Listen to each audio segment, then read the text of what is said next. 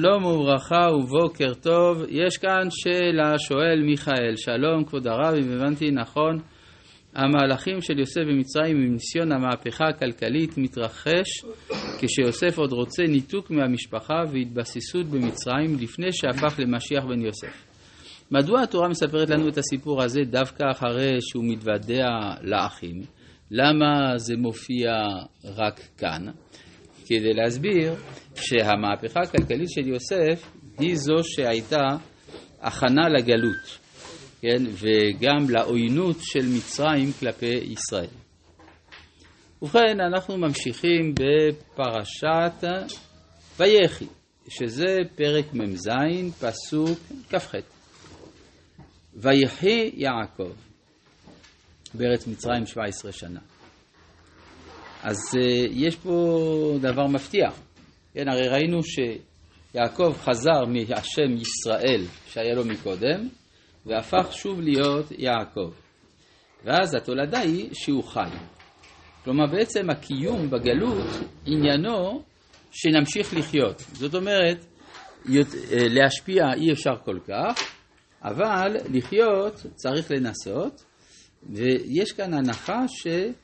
יש באופן סמוי, יש המשך של חיות בתוך ההיסטוריה, גם כשהזמן של הנהגת ההיסטוריה הוא של האומות. ראינו משהו דומה גם כן ב... וילן שם כי באה השמש, כלומר שכאשר מגיע זמנו של עשיו, שהוא מסומל בשמש לשלוט בעולם, אז יעקב הולך ללון. היה אפילו מרגלה בפומיו של היהודים בפולניה. הם היו אומרים פולין זה מלשון פה לין. כלומר, בינתיים אתה צריך ללון, עד שיבוא המשיח. אז זה גם יש, אה, זה מין, אה, אפשר לומר, מוכנות לא להיות תמיד מי שהמושכות בידו. לפעמים עשיו הוא המולך בעולם. ויחי יעקב בארץ מצרים 17 שנה, ויהי ימי יעקב שני חייו, שבע שנים וארבע, וארבעים ומעט שנה. אז זה בניגוד למה שראינו לפני כן, שהוא אמר ימי חיי היו מעטים, וכי רק יש לו רוב הזמן ימי מגורים וקצת ימי חיים, אבל כאן פתאום יש שנות חיים, כל החיים שלו הופכים להיות שני חיים, בגלל שהוא הצליח. כלומר, הוא הצליח לסיים את תקופת האבות ולהקים את האומה, אז הכל רטרואקטיבית מקבל ערך. עכשיו, מה שמפתיע כאן, ויחי יעקב בארץ מצרים, ואז מה? לפי יעקב העולם הזה אי אפשר ליהנות גם מהתהליך עצמו, גם מההליכה בדרך? עד שאתה מגיע לנקודה האחרונה, ואז אתה רואה רטרואקטיבית, שזה כן היה כדאי. ויחי יעקב, אז ראינו ויחי יעקב, אבל הפסוק מיד אחר כך, ויקרבו ימי ישראל למות. כלומר, או יעקב חי, או ישראל חי. אבל אם יעקב חי, ישראל מת. אבל אז היה צריך להיות כתוב, וימות ישראל. אבל ויקרבו ימי ישראל למות, הכוונה שלמרות שיעקב הוא זה שחי, היסוד הלאומי, ששמו ישראל, לא נעלם לחלוטין, אלא הוא קרוב למוות. כן? כלומר, יעקב חי וישראל קרוב למוות, ולא נעלם לגמרי. ויקרא לבנו ליוסף. טוב, על פי הדקדוק, על פי התחביר, יש פה משהו שלא מסתדר. כן? אז צריך לקרוא, ויקרא לבנו יוסף או ליוסף בנו, אבל ויקרא לבנו ליוסף, זה לא עובד. זה כאילו שכתוב כאן אחד מהביטויים בסוגריים, או לבנו בסוגריים, או ליוסף בסוגריים. או כמו שאפשר לומר, מישהו כותב משפט, ואחר כך הוא מוסיף ביאור, כן? ויקרא, ואז צריך להסביר לי מי הוא קרא. ואז זה צריך בירור. מה הוא מבקש ממנו? ויאמר לו, אם נא מצאתי חן בעיניך, סימנה ידך תחת יריחי. זה לשון שבועה, כן? כמו שמצאנו שאברהם השביע את, את עבדו, וסימנה ידך תחת יריחי, גם פה. כן? כי בירך נמצא ברית המילה, שזה חפץ הקדושה והמצווה שיש בימי האבות, ובמיוחד שפה מדובר על דבר שנוגע להמשך השושלת, לכן ברור ש... השבועה נעשית בסימנה ידך תחת ירחי, ועשית עמדי חסד ואמת, אל נא תגברני במצרים. עכשיו, אה, למה הוא פונה דווקא ליוסף? הרי יש לו 12 בנים. למה הוא פונה מכל הבנים ליוסף? הדבר פשוט, בגלל שיוסף, יש בידו לעשות, כיוון שהוא השליט במצרים. מה כותב רש"י? ויקרא לבנו ליוסף למי שהיכולת בידו לעשות. לכאורה הייתי מבין את זה גם בלי רש"י. כלומר, זה לכאורה זה פשט הכתוב, למה הוא פונה ליוסף? כי בידו לעשות. אלא שרש"י שם לב שאחרי המילה ויקרא יש טעם, קו, קו אנכי, שאחינו הספרדים קוראים לו פסק ואחינו האשכנזים קוראים לו פסיק, שעניינו הפסקה. זה כאילו שכתוב כך, ויקרבו ימי ישראל למות ויקרא. זאת אומרת, למי הוא קרא? לקדוש ברוך הוא. כי הקדוש ברוך הוא מי שבידו הכוח לעשות, ויקרא למי שהיכולת בידו לעשות.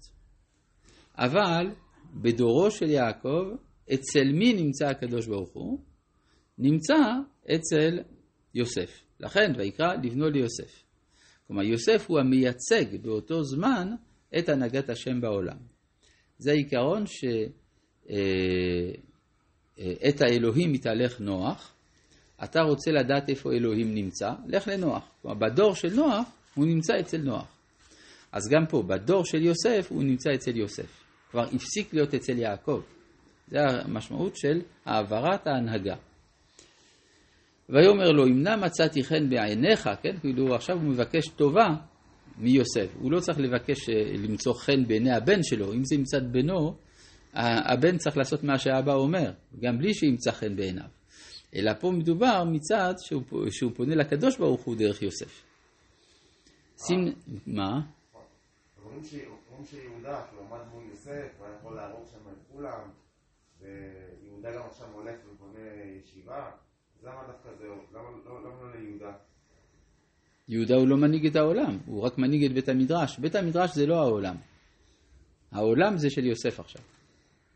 יש, לרב אשכנזי הייתה הערה, יש, תמיד הוא אומר, יש אנשים שחושבים שהקדוש ברוך הוא ברא ישיבה. ושאז הוא ברא את העולם כדי לפרנס את הישיבה. כשהאמת היא בדיוק ההפך.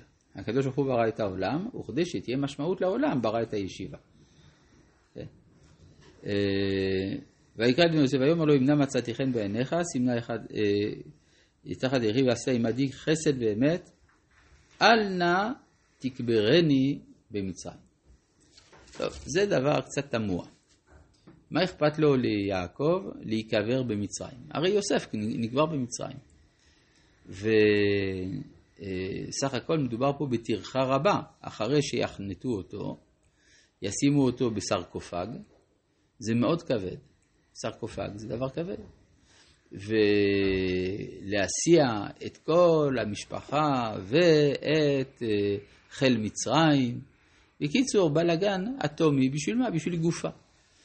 אם אתה רוצה, אולי תבקש שיוציאו אותך ממצרים בבוא הזמן, כשיצאו כמו שיוסף ביקש, ועליתם את עצמותיי. אבל בשביל מה הדבר הזה? בשביל מה הטרחה הגדולה הזאת? אז רש"י אומר כמה דברים מוזרים. טוב, דבר ראשון הוא אומר, שלא יעשוני מצרים עבודה זרה. הדבר הזה הוא באמת משמעותי. אנחנו יודעים שיש נטייה אצל אומות העולם לקחת יהודי אחד ולעשות אותו אלוה. אז למה הוא לא חשש מזה בחייו? כשהיהודי חי ועושים אותו אלוה, הוא יכול להכחיש. הוא אומר, רגע, אני לא אלוה, אני בן אדם. אבל אחרי מותו זה אפשרי, ולכן הנטייה של אומות העולם זה לקחת יהודי מת ולעשות אותו אלוה. יש איזה מין מחשבה כזאת, שכיוון שמזהים באיש ישראל את, את מקום השראת השכינה. כשהוא חי העוצמה היא גדולה מדי, אבל כשהוא מת, אז יש כבר חיבור לעובדי עבודה זרה למקום שהחיות פחות גדולה, דהיינו הגוף המת. אבל רש"י מוסיף עוד משהו. שעתידה, שעתידה מצרים להיות עפרה קינים ויהיו מרחשים תחתיי. זה באמת, אה, באמת בעיה גדולה, שמתחת למומיה של יעקב יהיו קינים. זה באמת, זה סיבה לעשות את כל הבלאגן הזה. אלא שהקינים זה המקום של המכה, מכת הקינים, היא הייתה ההוכחה לזה שהשכינה שורה בישראל, אצבע אלוהים היא. כן, אמרו החרטומים במכת הכינים, וזה בא מכוחו של יעקב, שהוא, שהוא מעין אלוהי, ולכן אפשר להפוך אותו לעבודה זרה.